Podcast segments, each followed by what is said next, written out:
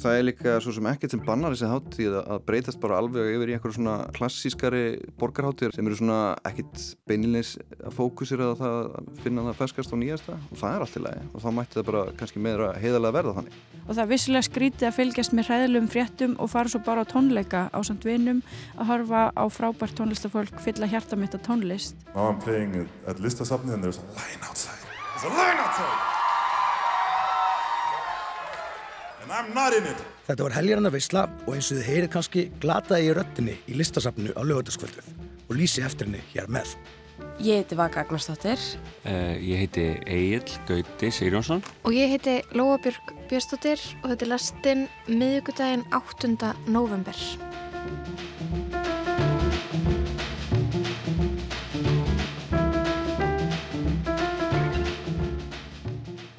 Já, það eru gesta þáttastjórnundur í lestinni í dag. Þau vaka eigin úr hljómsveitinni Inspector Spacetime hlaupu í skarðið fyrir Kristján Guðjónsson. Þau ætla að gera þetta með mér í dag, ætla að vera hérna allan þáttinn.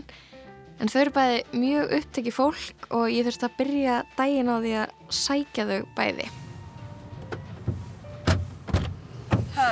Hæ, ég er að taka upp. Ok, hæ. Er ég ekki smálaður? Hæ, hæ. Og ég taka... Hvað segir þú? Bara rosalega gott. Ég var bara tíma. Hvað varst að gera núna? Ég var að fyrirlest. En ég myndi spyrja Myndir kannski vilja hitta mig Hitta mig, hitta mig, hitta mig Í dag. Þetta er off the record by the way. Já. Amma minn sem sagt á síbúð sem við búum í. Og hún er að leiða okkur á Ég var í áfokanum uh, samræður og sjálfbærni listamannsins. Og vorum að ræða hvernig, hérna, vorum að ræða fjármagn fyrir uh, hérna sviðslistum á, á landinu og svona bara stuðum ála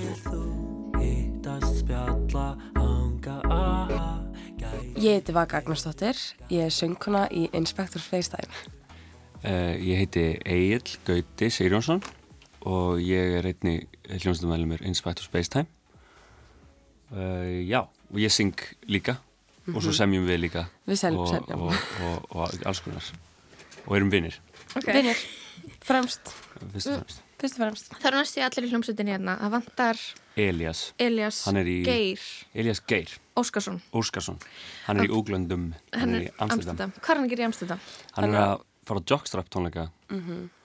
um, og uh, bara skoða borgina, hann er aldrei komið hann er mjög spenntur Mm Þeir eru að fara á Heineken safn. Veröld Heineken Já og sem fylgir því er líka raftónlistasafn. Eða þetta er svona two for one. Veröld Ráðtólista Já. Mm, Þetta er svona ok, gaman. spennandi. Sko, þarna, þið ætlaði að vera með mér hérna í lestinni í dag. Já. Stýra lestinni. Hvað, þarna, eru þið spennt fyrir að vera lestastjórar? Já. Mjög spennt. Tjú, tjú. Um, sko, við ætlum að, að það verður svolítið mikið spjallað um Airwaves í dag. Um, þeir voru ekki að spila Airwaves. Nei, það er nei. hins vegar að fara að koma ný tónlist frá okkur. Já. Hvað á mor morgun eða hinn? Tíunda hinn. Hinn, já, minnætti já, aðfarnast þessu dags Mhm. þá kemur þetta Ó já. Ok, hvað heitir platan? Þetta er, sem sagt, hún heitir Extravaganza og þetta er fjagralaga smáskífa Mhm. og uh, við erum mjög spennt Svo spennt. Ok, þannig að við spilum kannski eitthvað af því í þættinum, fáum kannski aðeins að, eða það ekki, Jú. í lagi, og spila eitthvað svona smá. Mhm. bara En- endilega Ok, við ætlum að byrja á því að þarna gefa Katrín Helga Ólafsdóttir orðið. Hún kíkti á Airwaves sennstalki, hún og Daví Róts voru útsendarar lestrannar hátíðinni og hún ætlar að segja okkur frá upplifun sinna af Airwaves í ár, við skulum gefa henni orðið. Too, too much of snare in my monitor. It's, only snare now. And uh, more of uh, guitar, please.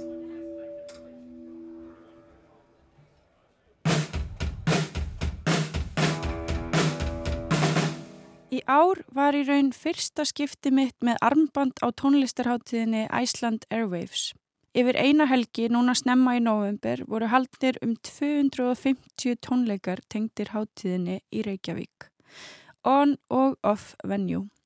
Mér fannst magnað að fara á fleiri tónleika á þremur dögum heldur en ég hef sótt síðustu þrjá mánuði samanlagt. Það var samt örlítið erfitt fyrir FOMO-ið mitt eða Fear of Missing Out eh, sem mætti þýða í ótti við að missa af og mætti skamstafa óvama. Því að á hverjum tónleikum sem ég fór á vissi ég að ég var að missa af þrem til fjórum öðrum tónleikum á miðan. En fyrstu tónleikarnir sem ég fór á voru í listarsapni Reykjavíkur. Þar er stærsta venjú hátíðarinnar. Í salnum sem er venjulega útisvæði í miðju saptsins er hátt til lofts. Una Torfadóttir kom fram með bandi. Þar var Solrún Mjöll Kjartansdóttir á trommum, Hafsteinn Þráinsson leg á gítar og tölvu og Tumi Torfason bróðir Unu spilaði á bassa, sinþa og greip í flúkelhorn í nokkrum lögum. Ég man þegar ég sá Unu fyrst koma fram. Það var fyrir átta árum í Siguratriði Hagaskóla í Skrekk og svo man ég líka hvernig ég sá hana síðast koma fram en það var á Arnarhóli í Kvennaverkfallinu 24. oktober síðastliðin. Þar leti hún fjöldasöng. Þetta eru tvö gallhörð feminísk augnablík. Hún er manneskja sem hefur gefið mér gæsahúð á besta mögulega hátt. Laugin hennar innihalda fallega teksta um hverstagsleg heit og hjartansmál.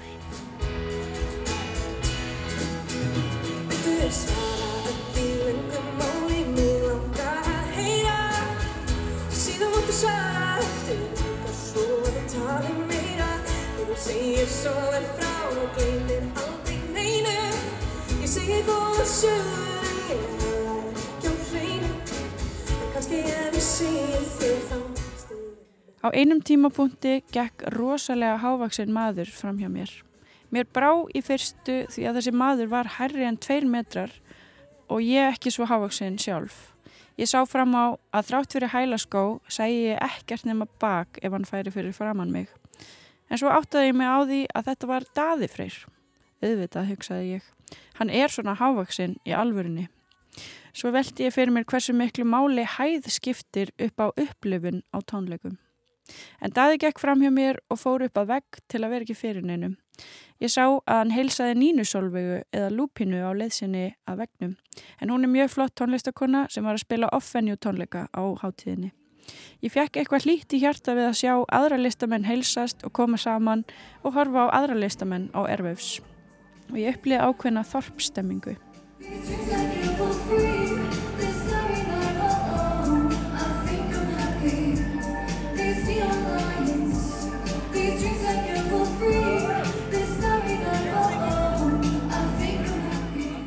Cyber spiluði tónleika í kólaportinu.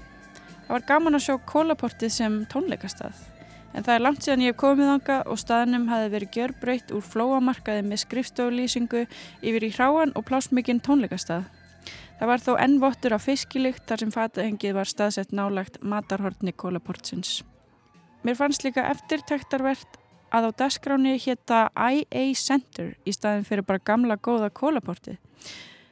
En á um það. Cyber er dúó sem samanstendur af Sölku Valstóttur og Jóhannu Rakili. Þau spiliðu mjög orkumikla og kynþokkafulla tónleika þar sem þau voru með undirbúna danskóreografíu í mörgum lögunum.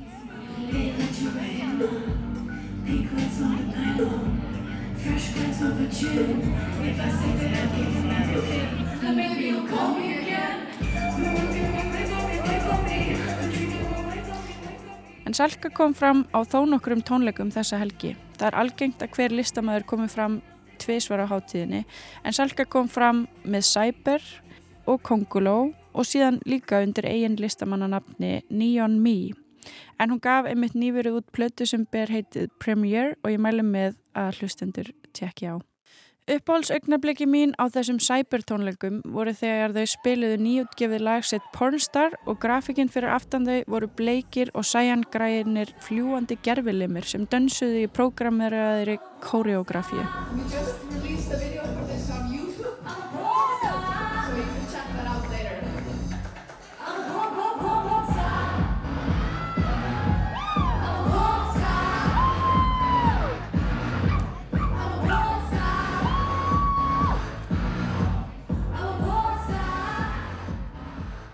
Annað uppáhaldsaugnablik var þegar áhörvendur voru beðnir um að öskra með í orkusmöllinum No Cry.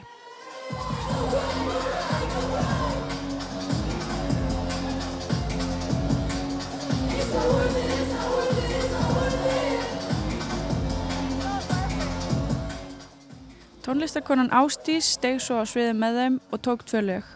Bæði karaoke-song af blötinni Vacation og nýtt lag sem er á vantanlegri blöti Sæber. Þau verðast vera að vinna mikið með draumóra úlingstelpna og teenage angst eða úlingsskapsveiflur og dramatík og ég hlakka til að heyra þá plötu. Eftir IA Center, uh, a.k.a. Kólaportið, láleið mín á Gaugin.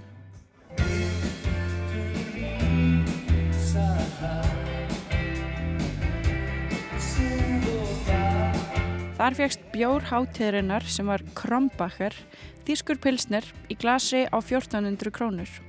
Það var annars hægt að kaupa hann í lítilli dós á 1300 krónur. Sama verð var á gæjálskoti í lítilli túbu.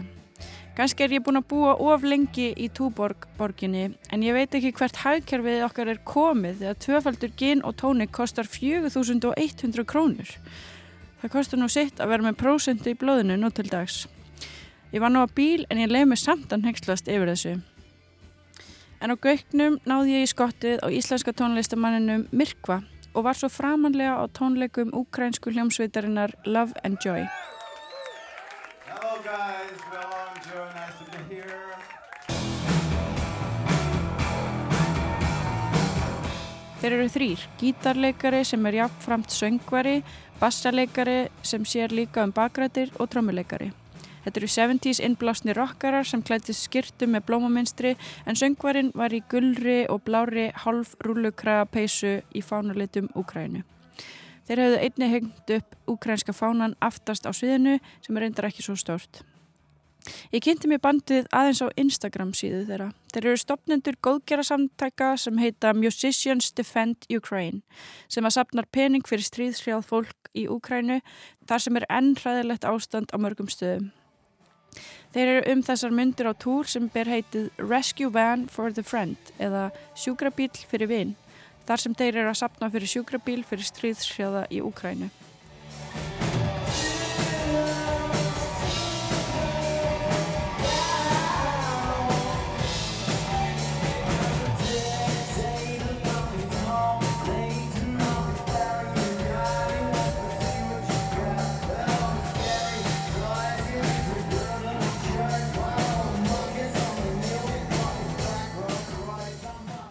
Það að vera örug og njóta tónlistar er svo mikil forréttindi. Nú hafa átökin á Gaza staðið hátt á sama tíma og Airwaves og ég veit að margt fólk hefur verið hugsað til allra sem hafa dáið eða mist ástvinn í þessum hræðilegu árusum sem við horfum á í nánast beinni útsendingu. Og það vissilega skrítið að fylgjast með hræðilegum fréttum og fara svo bara á tónleika á samt vinum að horfa á frábært tónlistafólk fylla hjarta mitt á tónlist. En mér finnst mjög fallegt að sjá fólk gera hvað sem það getur með sínum aðferðum eins og Love and Joy er að gera með tónlistinni að hjálpa þeim sem þjást á stríðinu sem stendur enn í Úkrænu.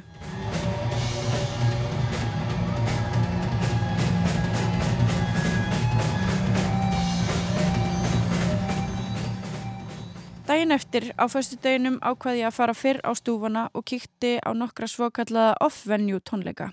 Þeir tónleikar eru oft minni í sniðum í óheðbundnari tónleikarýmum og það besta við off-venue er að það þarf ekkert armband til að koma og njóta. Ég lærði að mistökum gerðdagsins og var ekki í hælaskóm en var þess í stað með húfu. Ég byrjaði á Hafnartorki Galleri við Gerskötu. Þar voru Árni Margrét og Teitur Magnússon með kósi kassagítarsett, mest fyrir miðaldra erlenda ferðamenn sem getur sér á einhverju gómsæti. Þar eftir fór ég á Hotel Holt og þar var Benny Hemhem mættur með kvennakór sem innhjælt að minnstakosti 20 söngfugla. Þeir tónleikar fannst mér alveg einstakir. Það var arineldur og stappfullt. Fólk satt með börnin sín á teppalöðu gólfinu og hlustaði. Eldra fólk satt í notalegum sætum með kvítunsglöss.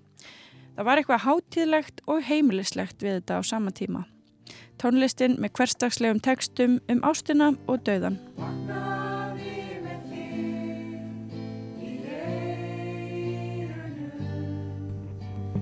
Þorði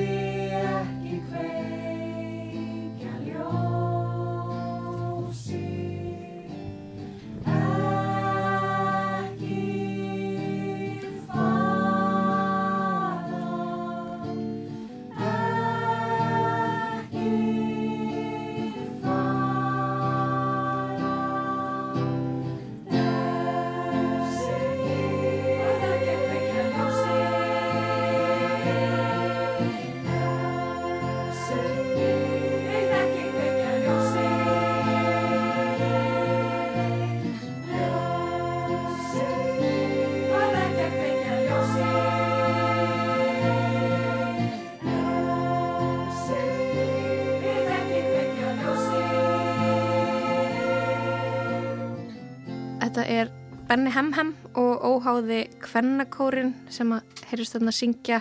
Það var lifandi upptaka frá off-venue tónleikum á Hotel Holt um helgina. Það var þar undan var það Katrín Helga Ólafsdóttir sem að uh, flytta okkur pistil um já, sína upplifun af, af Airwaves í ár tónleikana sem að hún kíkti á. Uh, með mér í lestin í dag eru þau Vaka Agnarsdóttir og Egil Gauti Sigurjónsson. Þau eru tvö af þremur meðlumum Inspector Spacetime. Um, hverju var ekki Inspector Spacetime að spila á Airwaves í ár? Bara, Við- bara, ég veit ekki, bara við bara Við ruggluðum smá. Já, við ruggluðum smá. Hvað Við- var það ykkur að kenna? Já, Já. eiginlega. Þú veist, við hefum náttúrulega átt bara að sækja um. En okkur var lofað, eða þú veist, enginn lofa okkur neinu, en það var einhver, það var bara einhver sem sagðist alltaf heyri í okkur. Við bara tókum, tókum því bara sem bara að það myndi ekki. Já. en náttúrulega eigum við bara að sækja um. Já. En við síðan vorum við einhvern veginn bara allt of sein. Já, þetta var bara, þetta var rugg, Þetta var rugl. rugglingur. Það var rugg. Og, og, og svona. Hefðu þið viljað vera með? Já. Já. Það verður mjög gaman. Kíktu. En við vorum samt smá eitthvað svona, viljum sem er ekki vera með. Það var það En ekki við vildum vera með. Eitthvað með lang, eitthvað svona, með langaði hvort þið er ekki í þetta heimskulega partí. Lúkar aðsnalögt. Mhm. En það lúkaði ógst skemmtilega. Um, fóruð þið eitthvað eða? Ég fór ekki. Ég fór ekki, um, En að lappa neyri bæ, maður sá en... Íms, á venue. Ekkert á venue eins og niður. Fóru við eitthvað að fænja? Nei, Ég he- Nei, ég held ég hef ég held ekki. Það var samt bara eitthvað, þú veist, það var bara annað að það gera. var ekki út af því að Airwave sökkar það var Nei, það var bara eitthvað við að Því gleyma að við rugglumst Rugglumst aftur Þannig að, hafið þið ekki spilað samt? Jú. Við spilum í fyrra. Spilum við fyrir og síðan spilum við líka þegar, fyrir tveimur árum þegar við vorum með svona eitthvað svona Það var eitthvað COVID-útgáfa Já, af þessu. eitthvað svona Já. öðru sniði og þá Mhm. vorum við með eitthvað live from, from Reykjavík Já. á Gauknum Já. Já, það sem að, já Það og það var einhver sem skrifaði í dómi einhver erlendur miður sem sagði að, að, að hérna, þegar við vorum búin að þá var á, hérna, áhrundir eitthvað svona wanting something of a little bit more substance sem að er Mm. this og um, Vá. ég hugsa, er ennþá að hugsa um þetta tveimur árum setna Vá. Já. Setur þetta í þér? Þú hefur aldrei sagt, Já. eða kannski hefur sagt Nei, þetta. af því að ég, það er overrætt að tala um Getur ekki talað um þetta nema fyrir framann mikrofón. Já. Þetta er svona þvingað út þér. Já, En ég, ha- já Hafið ykkur tíma verið bara tónleikagestur á Airwaves, bara með arbanda flakkuðum eða? Já, já, já. Ég var, ég sótti alveg Airwaves svolítið um, líka því ég var yngri, pappi minn var stundum að spila á Airwaves með hljómsveit Mm. og þá var ég svona að mæta sem svona, svona krakki á Airwaves Mm. sem var gaman sko og svo er líka gaman að mæta fullorðin á Airwaves bara taka það fram Mhm. Mhm. þannig að já, ég hef alveg oft verið tónleikagestur á Airwaves Mm. er þess að svarið Ok, ok. Þannig að um, platan ykkar, hva, ætli, hérna, hvað stendur til? Hún kemur út ekki morgun heldur hinn, Já. fyrstu daginn. Um, ætli, hvernig ætli að fylgja henni eftir? Er það með eitthvað plan, eitthvað tónleikaplan? Sko, tónleikaplan, nei, við erum bara svona, uh, hérna, við erum bara mjög ánægð að vera að fara að gefa þetta út, við erum búin að sitja á svo mikið efni uh, lengi og svo erum við, vorum við með svona fjögur lög sem við vorum eitthvað, þessi lög passa saman. Já. Þannig að við vorum eitthvað, eigum við ekki bara Við að vorum gefa þessi. spenntust fyrir þessum lögum, en við vorum, Já. þú veist, Og við erum með fullt af öðrum lögum samt, sko, en það er svona, þessi lög passa saman. já.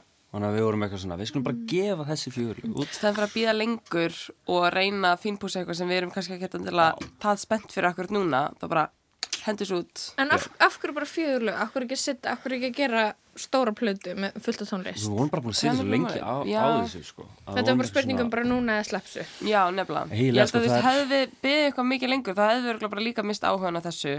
Ok. Eitthvað, þú veist, þetta er smá svona, Já, það gerist. Þetta- já. Maður er eitthvað, þú veist, það er lag sem við erum búin að vera að býða eftir að gefa út sem við vorum bara, á, við erum bara að gefa þetta út sem og þetta verður geggjað Mhm. og svo er það bara búið að vera til í svona tvö ár Já. og við núna hötum við það lag Já. og við viljum ekki gefa það út. Getur við hlusta, ef við ekki bara byrja lægir, læginu sem þið? Já, það er ekkert lag á þessu blötu sem Nei, það er ekkert lag.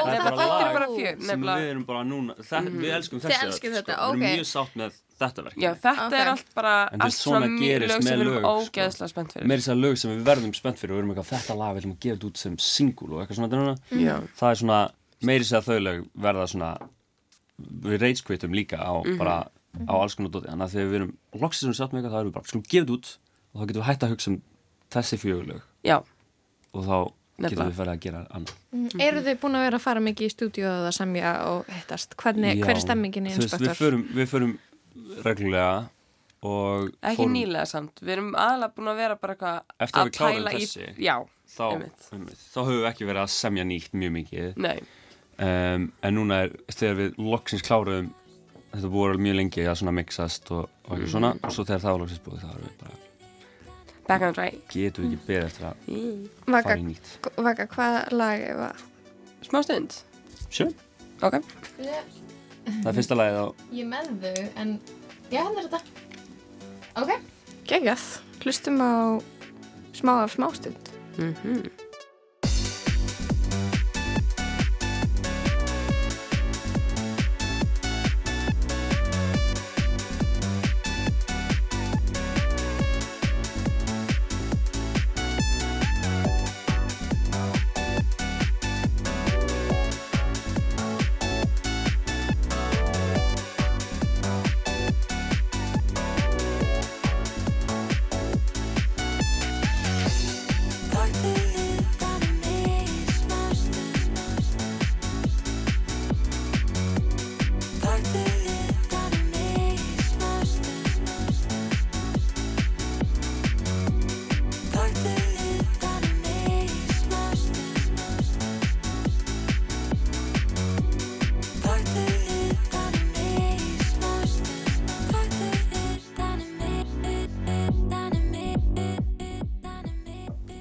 Þannig að heyrðu við brot af læginu smástund af uh, væntanlegri plötu Inspector Spacetime. Þau sitja hérna með mér Vaka og Egil. Uh, Elias, þriðja meðlumur, fjarrri góðu gamni. Já, hann er í Eh, Amsterdam. Hann er í Amsterdam. Um, við ætlum að uh, halda áfram að pæla í Airwaves. Er Airwaves komin af léttasta skeiði eða má hún muna fívilsinn feguri? Einhvern veginn þannig mætti því að titil skoðanapistils sem að byrtist í Reykjavík Greipvæn í gær. Pistillin er eftir Jón Trústa Sigurðarsson, útgefanda og einn stopnunda tímaritsins en það rekur hann þróun hátíðarinnar frá því að hún var fyrst haldinn árið 1999 og til dagsins í dag. Hann velti fyrir sér æ eldri tónleikagestum, hugmyndafræðinni á bakvið val á tónlistafólki og uppröðun þeirra. Kristján rætti við Jónda um Airwaves og greinina hans is Iceland Airwaves past its prime. Vil ég bæta ykkur við þetta? Oh my god Eru þið spennt að hlusta á þetta? Þetta er, ég er bara cliffhanger Þetta er mestu kliffangir Sko hátíðin er búin að vera til síðan, ég mann rétt, 99 og hún byrjaði sem svona uh, allavega í minningunni byrjaði sem svona hátíð sem er læðið mjög mikla áherslu á nýja og ferska tónlist og bæði íslenskar nýja hljómsveitir sem voru að gera eitthvað gott og, og áhugavert. Og svo í bland erlendar hljómsveitir sem að af sko mikillir lagni tókst ár eftir ár að bóka svona rétt við svona rétt þegar það voru að springa út. Hljómsveitir eins og Hot Shit til dæmis kom að spilaði minni mig á Airways 2004 og það var bara þegar fyrsta plata var nýkomin út og þetta var rétt að byrja á þá voru geð ekki tónleikar. En þetta er auðvitað mjög erfitt sko. Það sem að síðan eh, gerðist var held ég að, þetta form veist það var að koma menn voru að gefa veist hundruði miða fyrir pressu og svona og Æsland Erfis hefur aldrei verið hátíð sem að tekur við mörgum gestum. Þannig að ég hugsa að þetta hafa nú ekki gengið til lengri tíma og einhvern tíðan 2009-10 eða eitthvað slúðist þá tók Grímur Allarsson við hátíðinni og ég held að hann hafi nú átt að segja á því að ef hann ætlaði að láta þetta virka þá borgaði svo líklega að bæði fá einhverjar hljómsýttir sem voru kannski aðeins meira established og, og trektu kannski aðeins meira að og selta aðeins meira miða og kannski aðeins að slaka á bóðsmiðunum en það þrátt fyrir vantilega góð tilinu þá verðist það heldur ekki að hafa endilega staðið undir sér og ég held að þeir sem eru að reyka hátíðinu núna sé nú í mjög erfiri stöðu við að reyna að láta það gangu fjárhastlega og það er kannski á þessum tímapunkti algjörlega þeim að þakka hátíðin sé einu sinni til. Og áherslunar hafa auðvitað breyst. Uh, það hefur alveg maður finnur fyrir því að áherslan á nýja og ferskallum íslenska músík er ekki alveg jafn sterk eins og manni fannst hún vera. Kannski er það bara að ég er hún gamall og er búin að missa sens fyrir þessu en maður einhvern veginn upplifir það. Og svo eru alls konar svona hluti sem auðvitað breytast líka sem eru kannski svona ekkit endilega snúist ekkit endilega með þessa hátíð en meira svona socio-economic faktorar eins og þú veist það er bara miklu eldra fólk orðið hátíðin heldur en var í galanda ég man ég kom tilbaka eftir mörg ári í útlandum fyrra og bjóst við að ég er eins og einhver svona gamalt hérna einhver gumil eftirkost þarna. En þá fatta ég bara ég var örgulega bara undir meðalaldri láfið á allan nokkrum stöðum. Eh, þannig að það er svona, það er alltaf nára ára heldur en var. En, en sko ég held nú ekkit endilega sko að hátíðin sé endilega búin að vera og það er kannski það er nú kannski einmitt vegna þess að, að það er verið að reyna að reka hana þannig að hún allan er komið á núli núna það sem ég var aðalega svona að sko velta fyrir mér var hvort það væri ekki hægt að reyna að endurvekja eitthvað aðeins meiri stemningu meðal yngra fólks með hátíðinni og þá aðalega bara í gegnum hvernig hátíðin er hver, hver eru bókara hátíðina Mhm. Og svo var ég aðeins að finna því sem að ég velti fyrir mig hvort það sé einhver svona að, kannski bara svona líka kynnslóðbreyningar sko að, að þegar maður er að bóka tónleika þá er maður svona ómeðvitað að hugsa um að bóka hljómsættir sem að eru sko ekki bara að gera góða músík heldur eru líka um, góðar á tónleikum. Og ég svona hafði þeirra tilfinningur stundum að, að svona tónlist sem er mjög fín í headphoneum hafi svolítið verið að, að taka yfir tónlist sem að virkar síðan live. Það var svona, það var svona nefnan í sérstök dæmi en Mhm. þá var það svona, svona smá stemningin og svo kannski var ég aðalega að finna því kannski að veist uppbyggingin á kvöldunum eða staðsetningin á svöum listamennum var kannski ekki endilega þeim eða, eða áhærundum til góða það var kannski þú veist rólegir en góðu tónleika voru kannski aðeins og seint á lögataskvöldi þegar enginn hefur kannski byrjað orku fyrir það og fólk byrja Mhm. bara að aðeins að missa fókus og svona þannig að það var einhvers svona veist, þetta er allt bara mjög viðræðanlega hluti sem er hægt að, að hérna, breyta Mhm. og, og bæta ekkit, engin Einmitt. Já, já, að, vissuleiti en, en, en, en svona spurningar um, um hvort að það sé hægt að lokka ungt fólk inn á, inn á svona tón, tónlistarháttíð eru þetta uh, mjög mikilvæg, myndir maður halda sérstaklega ef háttíðin allar sér á einhvern hátt að- vera svona um, í einhverju framvarðasveit sko, e, e, ef, ef hún allar það en, en auðvitað kannski bara gengur það hreinlega ekki fjárhalslega sérstaklega ef Æsland er er ekki einhvern veginn að móka peningum í þetta eins og við voru líklega að gera fyrstu árin til þess að einhvern veginn auka ferðamannaströym, auka uh, sínileika reykjaukur einhvern veginn og, og bara búa til stemningu fyrir landi og þjóð sko. Nei, mögulega ekki. Uh, það, er, það er líka svo sem ekkert sem bannar þessi hátíð að- breytast bara alveg yfir í einhverju svona, svona klassískari og, eða borgarhátíðir eins og við þekkjum frá Skandinavíu sem eru svona ekkit beinilins að fókusir að að finna það ferskast á nýjasta og það er allt í lagi og þá mætti það bara kannski meira heiðalega verða þannig. Uh, og það er mögulega annað atrið sem er alveg rétt að, að sko þegar hátíðin byrjaði þá var hann fyrst í óttúber og svo þegar það fór aðeins að tegjast í ferðamannatíðanbylinu einhvern tíðanum 2009-10 eða hvernig það var þá var hann færið yfir í nóvembir þar sem hann er ennþá.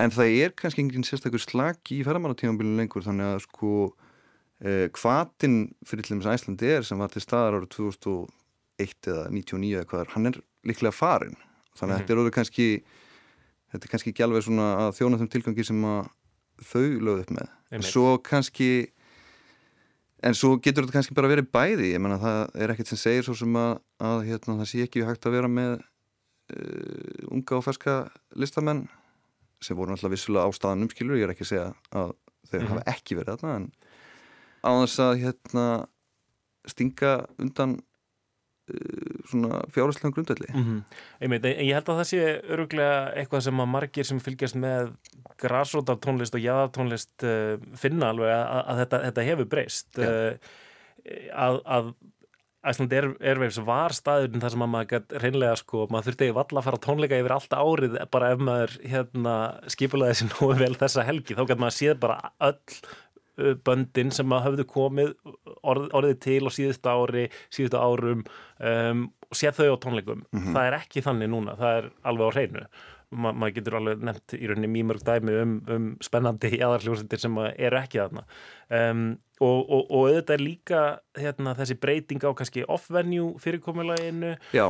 sem að, sem að um, sena fekk auðvitað uh, svolítið bátt fyrir þegar þau réðust í þær fyrir, fyrir nokkrum árum en, en, en voru auðvitað skiljanlegar ástæður af því að þau töldu að já, fólk væri hreinlega bara ekki að kaupa með á hátíðina Nei, ég heldur að það fengið þá tilfinningur og ég er ekkert vissum að það verið rétt hjá þeim en kannski, ég hef ekki séð tölunar en, en ég hugsa að sko off-venjúin svo kvölduð hafi eiginlega ítt undir miklu meira bara stemningi kringum, kringum hátíðina og miðasölu fyrir en ekki.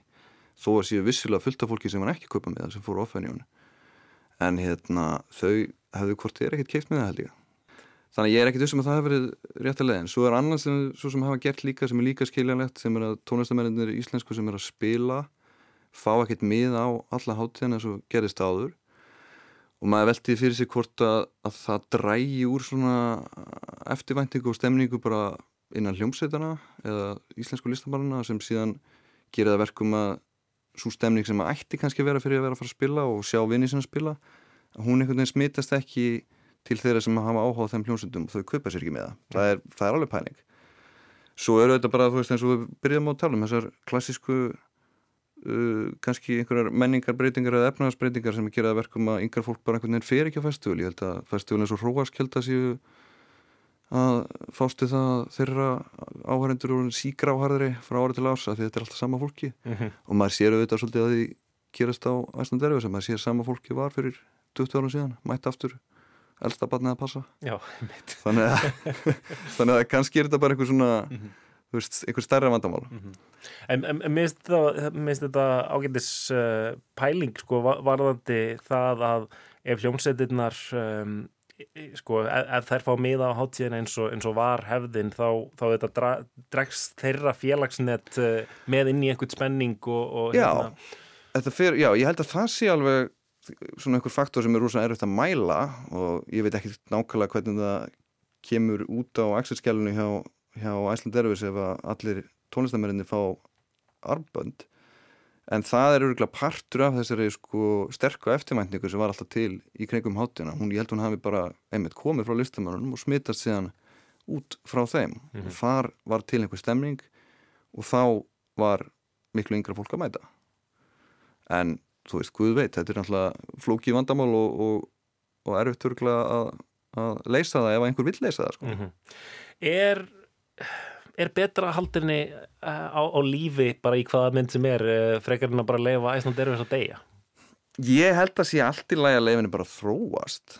Og hérna ef hún er hægt að sinna þessu hlutverki að vera staðar þar sem þú sér nýtt og íslenskt og ferst og, og staðar þar sem að hljómsveitir uh, hitta erlenda blaðamenn og, og fá einhver umfyllun sem að hefur líka dreigið úr held ég, bara færi blaðamenn að koma þá getur hún bara þá bara getur einhver önnur hátið komið eða, eða tekið við því hlutverki. Það er örgulega vonandi einhverja núti sem að nennir að leggja sig eftir því.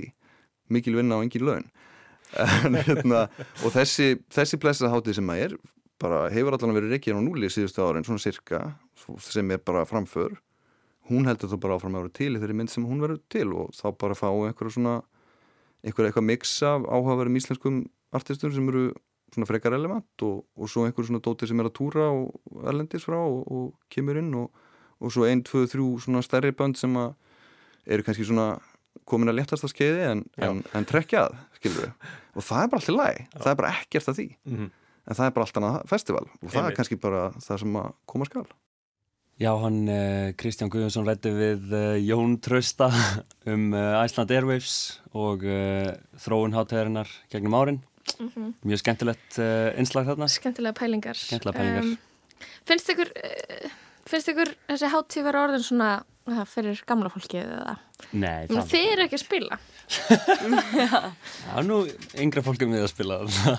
Já, nefnilega. Jú. Ég held að það sé mjög mikið að unga fólki spennt fyrir þessu en það er samt mikið af Ég held að þetta sé að jafna sig eftir COVID. Já.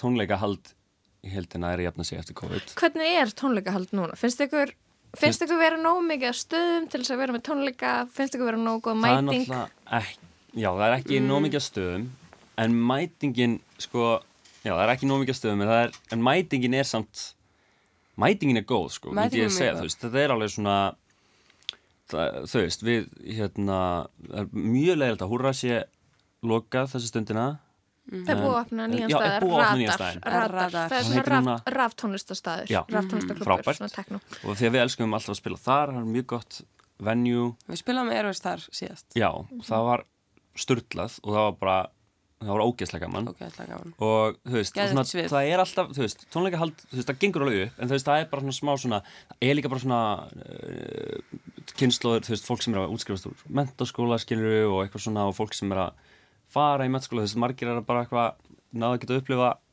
böll svona stóna hluta kannski af úlingasteginu eða mentaskóla göngurinn sinni og eitthvað svona þannig það er svona, fólk er að smá að læra að vera í kráti Mhm. að Hvernig, hvernig lærir maður það? Ég svona velti fyrir mér og tegið mig, það eru náttúrulega, það er hann að kynsluð sem bara, já, sem einhvern veginn var heima í mentaskóla, Já. Bara mikið til, þú veist, Já. hvað, þú- Vaka, varst þú, þú varst útskrifið þegar, eða varst Nei, að fara, ég, lendið þú þarna? síðasta árum mitt þá var, veist, þá var ég heima að læra.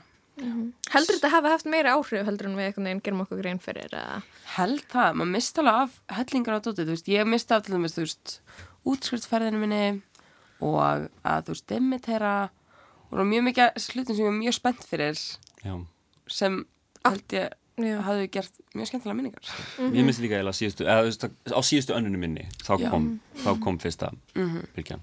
Þannig að, Einmitt, þetta er kannski líka þetta, þetta er eitthvað svona eitthvað tímamót eða það er svo mikið af sögum í kringum þessu augnablík bara að dimmitera, fara í útskriftaferð Einmitt. þú ert bara sem úlingur að býða eftir þessum Já. augnablíkum og svo verða þau ekki þannig að sko þó það að útskriftaferðin hefði sökkað, þá hefði það einhvern veginn verið betra heldur en að upplefa hann ekki út í því að þá Já. alltaf að velta fyrir hvað hefði þið gerst, hvernig hefði þessi ferð verið, þú Já. veist það ekki og fær kannski ekki þetta tæki fyrir aftur og fara með eitthvað hundrað jafnöldurum í Já. utanlandsferð, það er smá svona, Ángriðs. það gerist ekkert aftur. tveggja vikna að, á sólaströnd já, það sem allir verða veikir. Það var það mjög næs að við fórum nokkru sinnum á, eða ég fór bara einu sinni á Primavera Já, á Spáni sem var mögulega þá svona mitt, mín útskriftsverð. já, já, já. Já, það sem kemst svona næst því Já, Já, við fórum rosa þá stór var hópur. risa, já,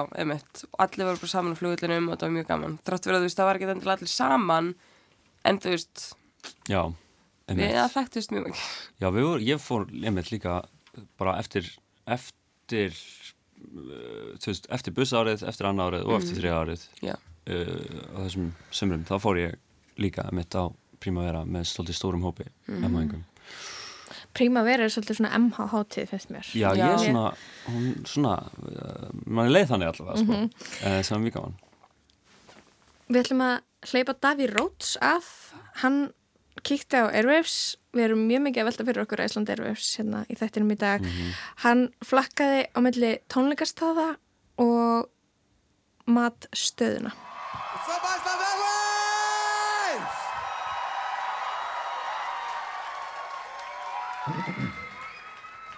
my name is David Freyr. We're gonna play some music. Um, I hope you like music. Because if you don't, then uh, this is not gonna be for you.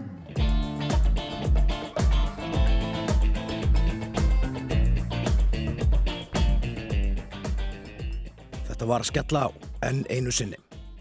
Vetrarbóðin ljúfið sem fyllir göttur miðbæðarins af rókflýjandi útlendingum og íslenskum hipsterum í henni eilífu leit að henni einu sönnu uppgötun hátíðarnar. Já, ég er að sjálfsögðu að tala um Æsland Airwaves tónlistráttíðina sem var sett í 20. og annað sinn síðasta 15. kvöld. Þetta var heljarinnar veisla og eins og þið heyrið kannski glataði í röttinni í listasafnu á lögataskvöldið og lýsi eftir henni hér með.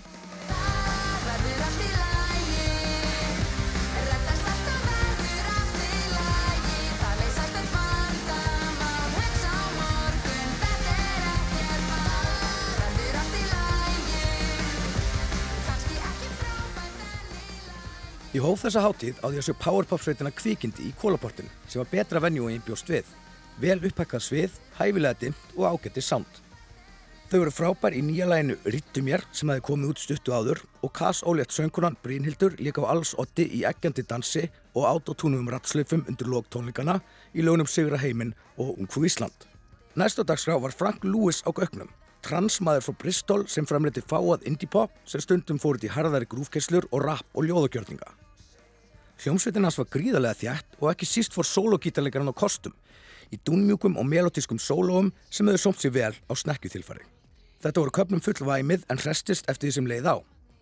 Hann rætti talsvert um ferðala sitt út úr skápnum sem transmaður millir laga og tónlistin var uppfull af vísunum í bókmentir og kynvitund, en eitt laga hans heitir eftir bók Silvíu Plath The Bell Jar. Í síðasta læginu voru hann svo komin út í velgýra diskokerslu sem sendi alla út í góðu skapi.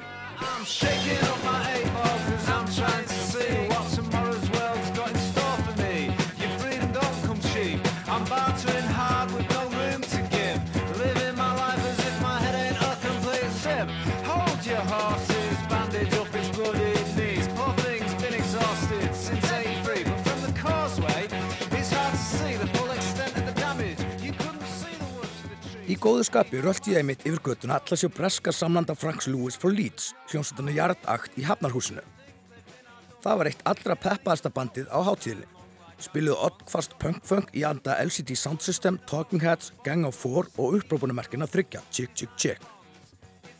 Bandið samanstóð af trommara, bassa, gítar og hljómbólsleikara, auk söngvarans sem vann mikið með drukkin spoken word rants í anda al-breskrar hefðar Marks E. Smith úr The Fall og Mike Skinner úr Streets. Gítarriffin voru postpunkuð, offbeat og abstrakt, bassagangurinn funkaður og trommunar í fjórum fjóruðu diskotakti. Í einu læginu voru speysu hljómborð í langri instrumental uppbyggingu sem myndi mig á einhvers konar punkaða útgáfu af I Feel Love með Donna Summer.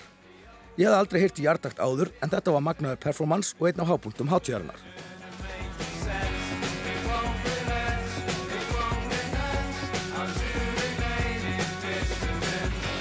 Ég mætti í kólapottið um mitt setti hjá Cyber sem byrjuði sem rappband en hefur fyrir lungu vaksið út fyrir þann ramma. Er orðan einhvers konar blanda af hip-hopi, technoi og hryllingsmynda goth-popi. Það voru bæði sexy, scary og sassy og fengur söngkonuna Ástísi Maríu á svið með sér undir lokin í kraftmikla powerballuðu. Super Serious verið rockna kyrslu þegar ég mætti í gamla bíó. Þetta er einfalt og ökonomist rock í anda Strokes og White Stripes, þrjú grip og þryggja minna lög og þarf ekkert meira. Þeir höfðu salin með sér og allt ætlaði um koll að keira í slagarunum Let's Consume. Guðgus á sviði gamla bíó og hún er einn hæfileikaríkasta tónlistakonna sem hefur stíið á íslenska sjónasviði undarfærin ár. Frábær söngkona með progressíft rafpop, tilröndukendar taktbælingar, stundum sungin á íslensku og allt hennar eigin. Hún var aðlegin á sviðinu í fríkuðu átfitti og með eiturgræna hárkollu og fór eins og stormsveipur og einsmanns íslenskur dansflokkur um sviðið. Frábær endir á fyrsta kvöldi hátíðanar.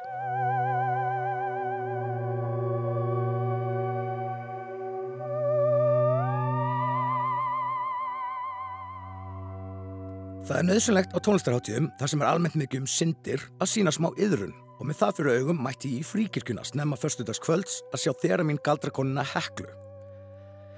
Lýsingin í kirkjunni var dimmrauð og alltaf því satanísk og Hekla flutti magnaðan ambient seið á þetta mystíska hljóðfæri sem fáur kunna skil á. En yfir í allt annað. Í kólaportinu sá ég nýgarska tónlistamannin Caleb Kunle. Þetta er kannski ekki tónlist sem ég myndi setja á heima hjá mér en hann ríkhjælt mér og öðrum áhörundum í kólaportinu með frábæri söngrödd, heimsklassabandi og lagur af sjarma. Eins og Bent sagði í stórfyndnum pisli sínum á vísi var þetta hálfgett Lion King pop og Caleb sjálfur allt svakalega stæltur og sætur, algjör konungur lóðana. Þegar ég vakna, fæ ég með morgun mat Ég gerir með þeim, já ég gerir með þeim Er ég vakna, Gróa er eitt besta liveband landsins um þessar mundir og þær pönguðu þakið af gamla bíói með orkuna stilta í 11 og oft brast á með píkuskrækjandi saxofón óhljóðum og tví og þrýmönsku á trommusettið. Donkey Kid frá Berlín spiliðu sæmilegasta indie á gauknum en ekki svo eftirminnilegt þannig ég fór á annan gauk sem gengur undir rapplistamannsnafninu GKR í kólaportinu.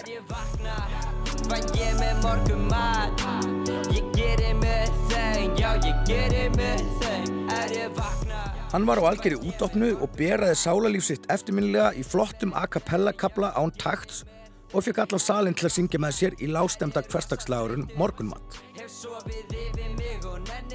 The Hunted Youth voru í kuldalegu 80 stuði í gamla bíói þar sem ég var hvað mest hrifin af dáliðandi samspili hljómbors og gítars í nýromantískum hljóðheiminum. Bombay Bicycles Club sem spiliði í listasafninu voru líklega stærsta nafn hátíðarinnar svona band sem ég myndi eftir að var mjög vinsælt í kringum 2010 en samt bara rétt svo. Enda voru tónleikarnir mjög svo í meðalagi og ég var næstuði búin að gleyma þeim þegar ég settist niður til að skrifa þannan pistil.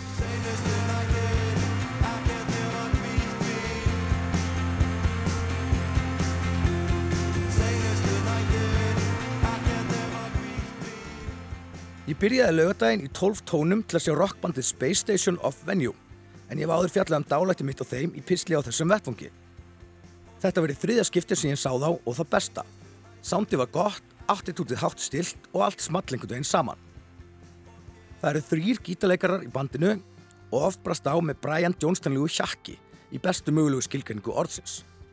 Setti var ágætlega langt og þau síndu breytt. Stundu voru langir instrumental jamkablar, sumt var eins og dópmókað velvet jam en önnulögin stuttir punkstupar eins og þið frábara Train to Berlin. Hápunktarnir voru kvítt vín, mögulega besta íslenski lag ársins og þegar Agnes og Sigri kom óvand á svið og tók með þeim Ettu James lagið I'd Rather Go Blind.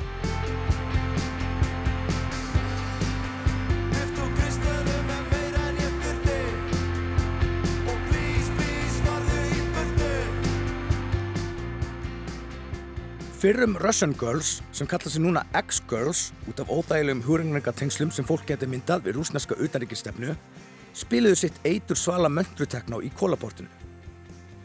Það náði hápunkti í halda áfram þar sem ég misti stjórn á útlimum og gaf mig á vald taktinum. Þar á eftir hljópi ég listasam Reykjavíkur til að sjá setni hluta skvitt en mistaði þeim vegna raðar. En þar voru líklega flestir mættir til að sjá Eurovision Óskapat þjóðarinnar Daðafrey. Hann er náttúrulega frábær og krútlegasti bánsi landsins sem getur stundum farið smá í töðunar á mér. En þess vegna var ég ánægða með að sjá að þarna glitti í smá dólkjáunum einstakar sinnum. Eins og þegar hann sagði We're gonna play um, an Icelandic song now. If you uh, know it, sing along.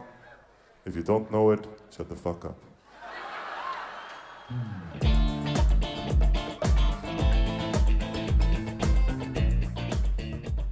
Þau þrjú sem voru á sviðinu hafa greinilega túra mikið því sjóið var prófram í fingurkoma. Daði Freyr var með rakka af hljómborðum og synþum báða megin við sig sem hann spilaði oft á með annari hendi í einu á milli þess sem hann greip í bassa eða gítar og tveir meðleikara hann spilaði á gítar, syntha og slagverk eftir því hvað hæfði hverju sinni. Hann tók líka reglulega epics syntharsóló sem fengið mig alltaf til að brosa upp að sneplum. Svona fyrir utan að vera frábær söngvari sem beiti röttinu 100%. Sjálfsörgir hreinlega lag á honum og Daði Freyr hefur alveg efnaði að sína það eins og hann gerði þetta kvöld. Hann þarf ekki alltaf að vera krútljúur og afsaka sig. Ég saknaði þess reyndar að heyra Eurovision-lægi hans hvað með það sem hann tapaði í undakefnin með fyrir svölu en maður fari ju ekki allt sem maður vill.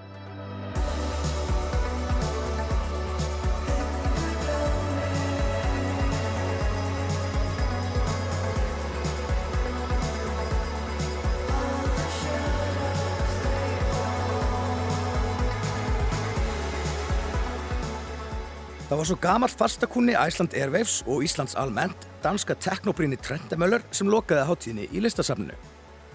Hann er nú komin aðeins út fyrir teknóði sem hann meikaði með fyrir hálfum öðrum áratug og var með live band sem inn í allt meðal annars Bryndísi Dísu Jakobsdóttur og spilaði einhvers konar hugvíkandi elektroprog sem var bæði skrítið, dansvænt og betra en ég bjóst við.